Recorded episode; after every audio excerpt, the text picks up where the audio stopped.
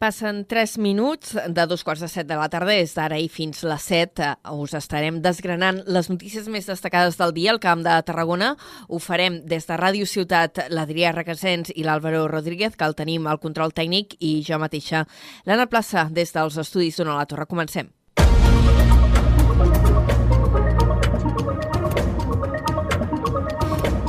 I avui eh, l'actualitat passa pel balanç de la sinistralitat de l'any passat al Camp de Tarragona que ha fet el Servei Català de Trànsit. 22 persones van morir durant el 2022 a la xarxa viària del territori, dues més que el 2019, el darrer any abans de la pandèmia. Adrià Requesens, bona tarda. Bona tarda. L'autopista AP7 és la via que acumula més víctimes, 7 en total. Des de Ràdio Ciutat de Tarragona ens ho amplia l'Àlvaro Rodríguez. Aquest 2022 hi ha hagut 22 accidents mortals al conjunt de les carreteres del Camp de Tarragona, dos més que el 2019, tot i que els ferits greus s'han vist disminuïts gairebé un 20%. Les víctimes s'han concentrat amb l'AP7 amb 7 víctimes, tot i que en les vies urbanes hi ha hagut dues defuncions més que el 2019. La majoria de víctimes són homes adults de més de 35 anys i l'accidentalitat s'ha concentrat en els dies faines. Tot i l'augment de víctimes, l'alliberament de l'AP7 ha tingut un efecte positiu en el global de Catalunya, ja que s'han reduït un 7,8% el nombre d'accidents totals, una reducció no tan pronunciada a la demarcació de Tarragona que només decreix un 2,5%. Ara el Servei Català de Trànsit centra la seva preocupació en les carreteres més secundàries, com l'STB o l'STP, que concentren el 30% dels sinistres. Ramon Lamiel, director del Servei Català de Trànsit, destaca que la majoria d'accidents es produeixen prop de l'habitatge de la víctima. No són víctimes de grans moviments en cap de setmana o en operacions especials. Són víctimes molt properes, a vegades vinculades a la mobilitat obligada per treball. Per tant, en aquestes TV baixes hauríem de controlar aquesta mobilitat de proximitat. Davant aquestes dades, l'STC ha anunciat que augmentarà el control de velocitat amb radars i implantarà també radars carro. A més, a Tarragona es doblarà la formació a motoristes que han augmentat la sinistralitat contràriament a la resta del país. La Miel ha volgut destacar també la necessitat de millorar els enllaços a la 7 per així descongestionar el tràfic a la P7. Moltes gràcies, Álvaro, per ser el director del Servei Català de Trànsit. També s'ha referit a l'accident mortal d'aquest diumenge que van morir tres joves al Parelló. La Miel ha destacat que la carretera on es va produir, eh, la carretera local TV-3022, té un índex de perillositat del 29%, que estaria força per sota dels pitjors punts de Catalunya. Així tot, aquesta carretera local és quatre vegades més perillosa que l'AP7 al seu pas per Tortosa. La Miel també ha destacat que a prop del 60% dels accidents a la TV-3022 produïts en els últims 15 anys han estat per una sortida de via. En global s'han registrat 98 sinistres des del 2007 fins a l'actualitat. Hi ha hagut 137 víctimes, de les quals 7 han estat mortals. Ens desplacem ara eh, fins a la Conca de Barberà i seguim en certa manera parlant de carreteres perquè els veïns de la pedania de l'illa reclamen que els paguin com més aviat millor, les indemnitzacions per reparar les esquerdes que han provocat les obres del túnel de l'autovia 27. I és que a finals d'any els veïns afectats van acceptar les valoracions del Col·legi d'Arquitectes que sumaven més de 600.000 euros. Des de Ràdio Montblanc ens ho explica la Gemma Bufies. En base als informes del Col·legi d'Arquitectes, el Ministeri de Transports es va comprometre a pagar les obres, però els veïns i veïnes no tenen data per cobrar i es queixen que cada dia que passa és un dia que perden. N'hi ha alguns que han avançat els diners per poder començar ja les obres, però no tots s'ho poden permetre i els neguiteja conviure amb les esquerdes que afecten casa seva. Glòria Rovira, alcaldessa pedània de l'illa. No sabem quan rebrem els diners. El cost de les obres cada vegada puja. Puja el material, puja la mà d'obra, puja tot. El cost ja està fixat amb uns diners. Com se paguin aquests diners, no tindrem prou diners per arreglar -ho. Com arribes a casa i veus aquelles esquerdes que molesten molt i com més les mires, més les veus, però és que les tens allà. Hem acceptat les valoracions com les van dir, que l'abogat ha enviat tots els papers, però aquí estem, en aquest impàs, esperant. L'Ajuntament de Montblanc ha anunciat al Ministeri que faci efectiu el pagament de les indemnitzacions i demanaran una reunió a Madrid per accelerar-ne el tràmit. Pep Andreu, alcalde de Montblanc. Vaig estar parlant amb el director de aquí, la província de Tarragona i em va dir que això aquí ja estava cursat, que està en mans de la Direcció General de Construcció i vam quedar que ell miraria a veure que hi, si hi havia plaços ja i si no ja li vaig dir doncs, que demanaria un dia per anar a Madrid per tractar aquest tema, però jo crec que és més que de justícia el que, el que tema de les esquerdes, que ja fa dos anys potser que es van crear. L'Ajuntament també va aprovar al ple del mes de gener bonificar l'impost d'obres per facilitar els treballs a les cases afectades, que en són gairebé un centenar. Moltes gràcies, Gemma, per aquesta informació des de Montblanc. Ara ens toca parlar de recerca. L'Hospital Sant Joan de Reus ha inaugurat avui una nova àrea de laboratoris que eh, formaran part de l'equipament de l'Institut d'Investigació Sanitària Pere Virgili. Amb les noves instal·lacions, l'Institut de Recerca vol treballar per ser més competitiu en l'àmbit biomèdic. Des de la nova ràdio de Reus ens ho explica en David Fernández. L'Hospital Sant Joan de Reus ha habilitat un nou espai de 800 metres quadrats per a laboratoris de l'Institut d'Investigació Sanitària Pere Virgili, que han de servir per a la recerca en camps com el metabolisme, la nutrició, les malalties neurodegeneratives i l'oncologia. El conseller de Salut, Manel Balcells, que aquest dimarts ha inaugurat els nous laboratoris, aposta perquè l'institut sigui un sol centre de recerca entre els hospitals Sant Joan de Reus i Joan 23 de Tarragona. El fet de que estigui ubicat aquestes noves instal·lacions, i magnífiques, per altra banda, eh, aquí a l'Hospital Sant Joan de Reus, crec que és un missatge molt important d'un sol institut de recerca eh, pivotant sobre dos grans hospitals. Eh, L'institut eh, de referència en dos hospitals de primera línia és un missatge clar de que hem de sumar esforços, de que l'institut eh, es nodreix de les línies de recerca que tenen la seva recerca translacional en, en dos hospitals. Des de l'Hospital Sant Joan de Reus s'han mostrat satisfets perquè els nous laboratoris seran un pol d'atracció de talent. Gràcies, David. Precisament des de Reus, el conseller de Salut també ha parlat de la situació a l'Hospital Clínic de Barcelona després del ciberatac d'aquest diumenge. Balcells ha destacat que el centre es va refent i recuperant l'activitat de manera progressiva. El conseller ha fet també una crida a la tranquil·litat i ha assegurat que tots els tractaments urgents estan assegurats. Estem en fase de, de refer tota l'activitat de, de l'hospital, que s'està fent de forma progressiva. Jo també vull tornar a donar un missatge de tranquil·litat de que tots els pacients que tenen necessitat d'una atenció immediata la tenen, si no pot ser a l'Hospital Clínic, en el cas de la radioteràpia oncològica, precisament, doncs uh, seran en un altre hospital. Balcells assegura que s'han incrementat les cirurgies al 50% i que les consultes externes ja han recuperat el 10%. També ha explicat que les plantes d'hospitalitzacions funcionen amb normalitat. 5 minuts per 3 quarts de 7 de la tarda, canviem radicalment de tema. El jurat popular ha declarat culpable per unanimitat l'home acusat de matar una dona de 91 anys a Tarragona ara farà 3 anys. El veredicte s'ha llegit aquest mateix matí a l'Audiència de Tarragona, on la setmana passada es va celebrar el judici. Els membres del jurat popular han tingut en compte els atenuants de confessió, de reparació dels danys i d'anomalia psíquica. Per aquesta raó, l'advocat defensor ha demanat 3 anys i mig de presó, ja que amb aquest veredicte no pot demanar l'absolució. El fiscal ha mantingut la petició de 10 anys de presó per un delicte d'assassinat amb traïdoria i la indemnització de 10.000 euros de responsabilitat civil ja pagada. Amb la lectura del veredicte, el judici ha quedat vist per sentència. I encara parlant de qüestions relacionades amb seguretat, la policia de Roda de Barada ha tingut un home que transportava 1.400 plantes de marihuana en una furgoneta. Segons s'ha informat avui l'Ajuntament, els fets es van produir dijous passat. La policia el va interceptar en un control rutinari als accessos del barri de Francaset. En escorcollar la furgoneta, els agents hi van trobar més de 1.400 plantes en fase de creixement repartides en 15 caixes. El conductor de 42 anys i sense domicili conegut va ser arrestat per un presumpte delicte contra la salut pública. I a Torredembarra la policia local ha intervingut dos drons que sobrevolaven l'espai aeri del municipi sense autorització. Els fets van tenir lloc el dissabte 4 de març i en els dos casos els aparells disposaven de càmeres de gravació. Un es va localitzar al carrer de Freginal i l'altre al Passeig de la Sort. Tots dos casos s'han denunciat per operacions negligents i temeràries ja que sobrevolen persones en nucli urbà, fet que comporta un risc per la seguretat. I tancarem aquest primer bloc de l'informatiu explicant que un activista de l'associació Xarxa Sud declararà aquest dijous als jutjats de Reus per protestar contra la central eòlica de l'Obedat del Pany, al Baix Camp, ara fa 3 anys.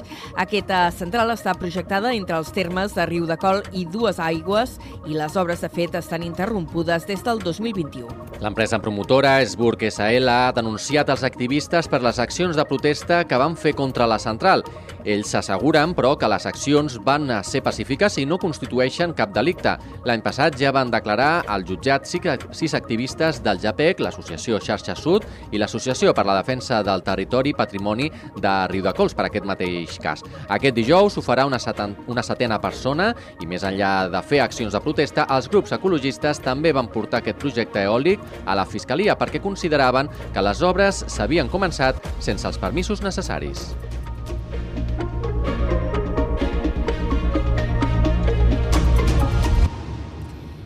6 i 44 minuts, la plataforma 8M del Camp de Tarragona fa una crida a participar en la manifestació que es farà demà al migdia per commemorar el Dia Internacional de les Dones.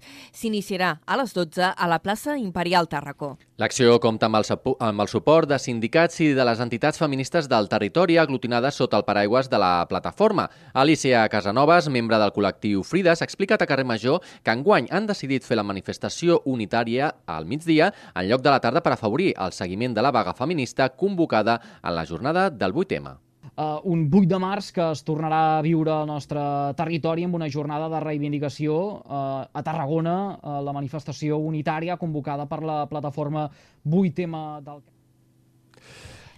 en acabar la manifestació hi haurà un pícnic popular al Parc de la Ciutat. La plataforma 8M del Camp també ha organitzat moltes altres activitats a nivell més local que s'estan fent aquests dies en diversos municipis del territori com la Selva, Riudoms i Creixell.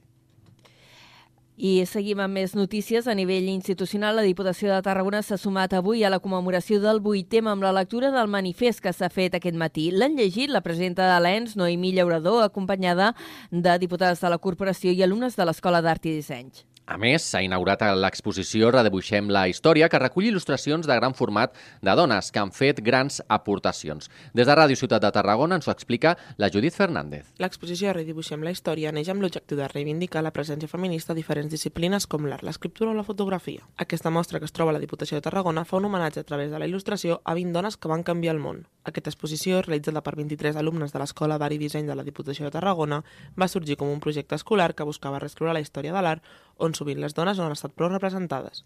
David Uzquiano, director de l'Escola d'Art i Disseny, així ho explica. dit moltes vegades aquí eh, aquest dia, volíem fer justícia a la dona, a la dona artista, a la dona que, que sempre ha quedat a l'ombra eh, doncs, d'aquesta visió patriarcal de la història de l'art. Llavors, eh, aquesta exposició que va començar amb el concepte de reescrivim la història va acabar sent un redibuixem la història perquè aquesta nova manera de veure la història la van fer des de la il·lustració. Clara Campoamor, Camil Clodel, però també artistes del territori com Garrota Guerrero són algunes de les dones a les quals s'ha ret homenatge en una exposició carregada de valor artístic i reivindicació. I encara parlant en qüestions relacionades amb el Dia Internacional de les Dones, veiem ara com es celebrarà, com es commemorarà en un cas concret al municipi de Vandellós i l'Hospitalet de l'Infant, que té preparat tot un programa d'actes. Entre les propostes previstes aquest mes de març destaquen l'espectacle musical Toca'm el cuplet i un curs de llenguatge no sexista. Des de Ràdio Hospitalet ens ho explica l'Iris Rodríguez. Amb motiu de la commemoració del Dia Internacional de les Dones, el dimecres 8 de març, les regidories d'Igualtat, Cultura i Joventut de l'Ajuntament de Vandellós i l'Hospitalet de l'Infant han organitzat un programa d'actes amb la col·laboració de Ràdio L'Hospitalet de l'Infant i la Televisió de Vandellós, l'àrea d'esports, les biblioteques municipals i del grup de dones Blanca d'Anjou. Així, durant el mes de març hi haurà un seguit d'activitats amb l'objectiu de reivindicar el dret a les dones a la igualtat en tots els àmbits de la vida personal, social i professional, així com eliminar estereotips i reconèixer la generositat de les dones que ens han precedit. Diego García és el regidor d'Igualtat Si és veritat que per aquest dia en concret dedicarem la respectiva lectura del manifest i activitats de caire doncs, mm, simbòlic o un espai obert a la reivindicació, però també la nostra aposta va més enllà i és d'oferir també una oferta, eh, donar una oferta cultural, educativa, eh, acadèmica fins i tot. Entre les propostes organitzades destaquen l'espectacle musical Toquem el Cuplet el dijous 9 de març al Teatre Auditori de l'Hospitalet i el curs de llenguatge inclusiu i no sexista el dimarts 14 de març a la sala Bonet Castellana.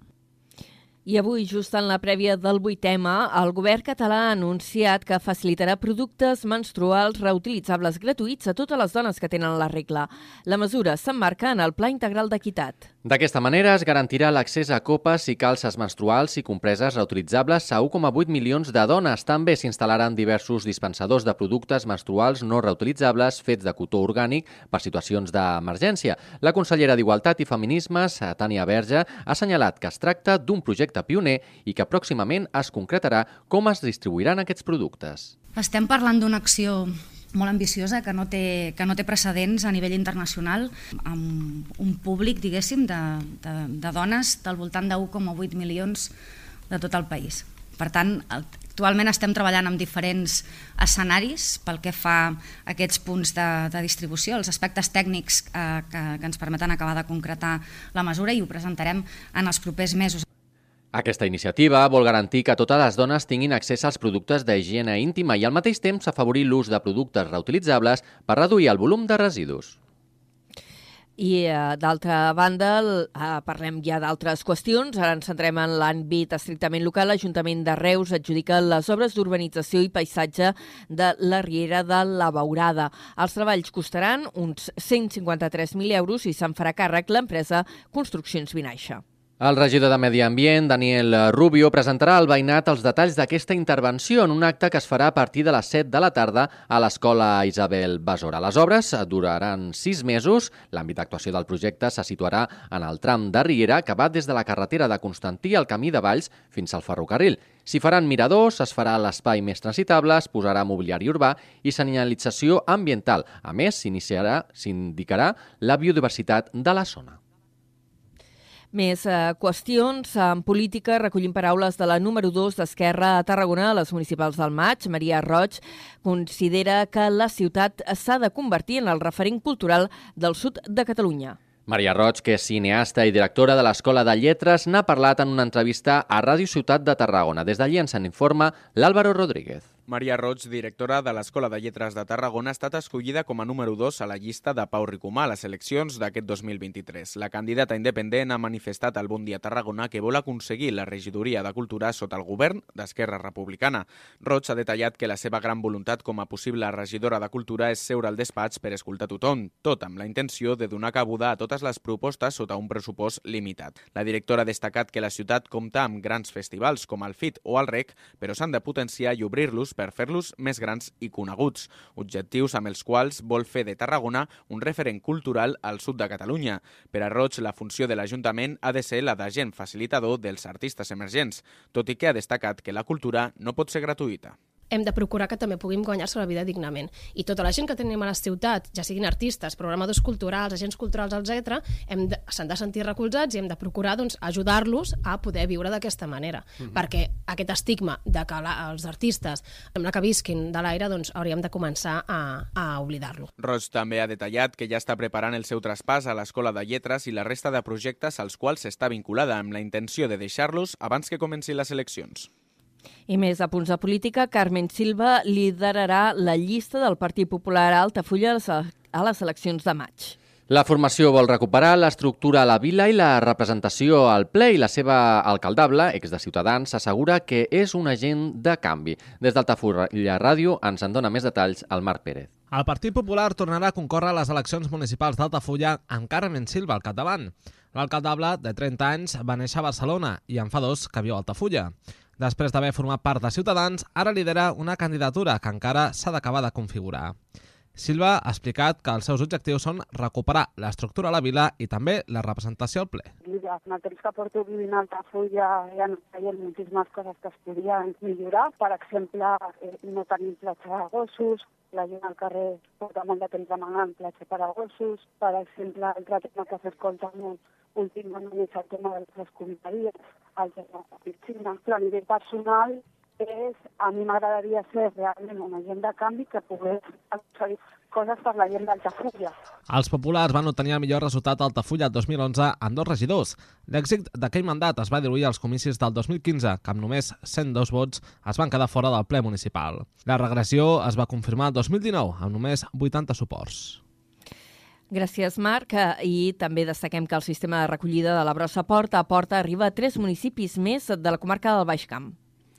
Amb uh, Prades, a Capafons i la Febró ja són 18 els 27 municipis de la comarca els que utilitzen aquest sistema. Des de BXC Ràdio ens ho explica en Miquel Llavaria. El servei de recollida de la brossa porta a porta s'estén a tres municipis més de la comarca del Baix Camp, Prades, La Febró i Capafons. Aquest sistema, impulsat per l'empresa comarcal de recollida de brossa al Baix Camp, Secomsa, arriba d'aquesta manera ja a 18 dels 27 municipis de la comarca. Des de Secomsa asseguren que aquest sistema té diversos avantatges respecte al tradicional com una major participació de la població en la recollida selectiva, augmentar els nivells de la recollida selectiva, la retirada dels contenidors de la via pública i aplicar taxes més justes justes. Alguns municipis han aconseguit millores en les dades importants, com Vinyols i els Arts, que va passar d'un gairebé 40% l'any 2021 a un gairebé 70% al 2022, Vilanova d'Escornalbou d'un 45% a un 72% o Botarell d'un 34% a un 68%, entre d'altres. I tancarem aquest bloc explicant que l'Escola d'Art i Disseny de Reus acull des de demà i fins divendres la 19a edició de les jornades IASO. Enguany s'han programat nou conferències de reconeguts professionals del disseny, l'arquitectura i els videojocs. Tots ells, eh, totes aquestes conferències es faran a la seu de l'escola, al carrer del Vent de Reus, i l'accés és gratuït. Aquestes jornades estan pensades per complementar la formació dels alumnes de l'Escola d'Art a partir de l'experiència de professionals de reconeguda trajectòria. A més, la iniciativa s'obre a tot el públic per fer extensiu aquest coneixement. La conferència inaugural es farà demà a la tarda a partir de les 6 i s'hi parlarà sobre arquitectura efímera. Entre els ponents hi ha Alfredo Foll, seleccionat per Forbes com un dels 100 creatius espanyols més influents. També hi prendrà part l'arquitecte Olga Subirós, que va comissariar la participació catalana a la Bienal de Venècia de 2020. I en esports destaquem una activitat solidària, l'onzena cursa de les dones de Reus que amplia el recorregut a 5 quilòmetres. Enguany aquesta cursa que s'ha convertit en l'activitat esportiva i solidària més multitudinària de la ciutat ja té data, es farà el 7 de maig. Com en edicions anteriors, la sortida a l'arribada serà a la plaça de Llibertat, però s'ha modificat el recorregut que s'ampliarà fins als 5 quilòmetres perquè s'hi ha afegit la zona del centre comercial La Fira de Reus. Les inscripcions ja es poden fer de manera online a través del web cursadonesreus.cat. El preu és de 12 euros. La recaptació anirà íntegrament destinada a la Lliga contra el Càncer de les comarques de Tarragona i Terres de l'Ebre. La cursa estarà limitada inicialment a 2.000 participants.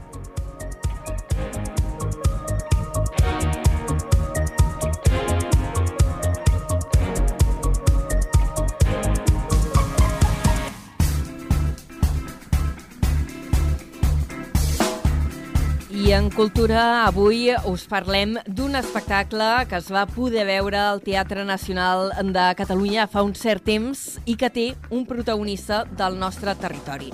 L'espectacle és el mar, visió d'uns nens que no l'han vist mai i el protagonista, l'Antoni Benages, un professor de Montroig del Camp, republicà, que va anar a fer classe eh, durant l'època de la República a Castella. Allí va parlar als seus alumnes del mar, els va prometre que l'ensenyaria, però eh, no, aquest somni no es va arribar a fer mai realitat perquè va ser assassinat durant la Guerra Civil. Doncs bé, aquesta història eh, que es va poder veure, com dèiem, al Teatre Nacional, està nominada als Premis Max com a millor espectacle teatral. No és l'única nominació eh, que ha rebut aquest projecte de petit eh, format, que de fet es va poder veure a la sala petita del TNC. També està nominada a la millor direcció en escènica per Xavier Bubés i Albert Conejero i Xavier Bubés també té la nominació al millor actor. Fins aquí que repassa l'actualitat. Adéu-siau.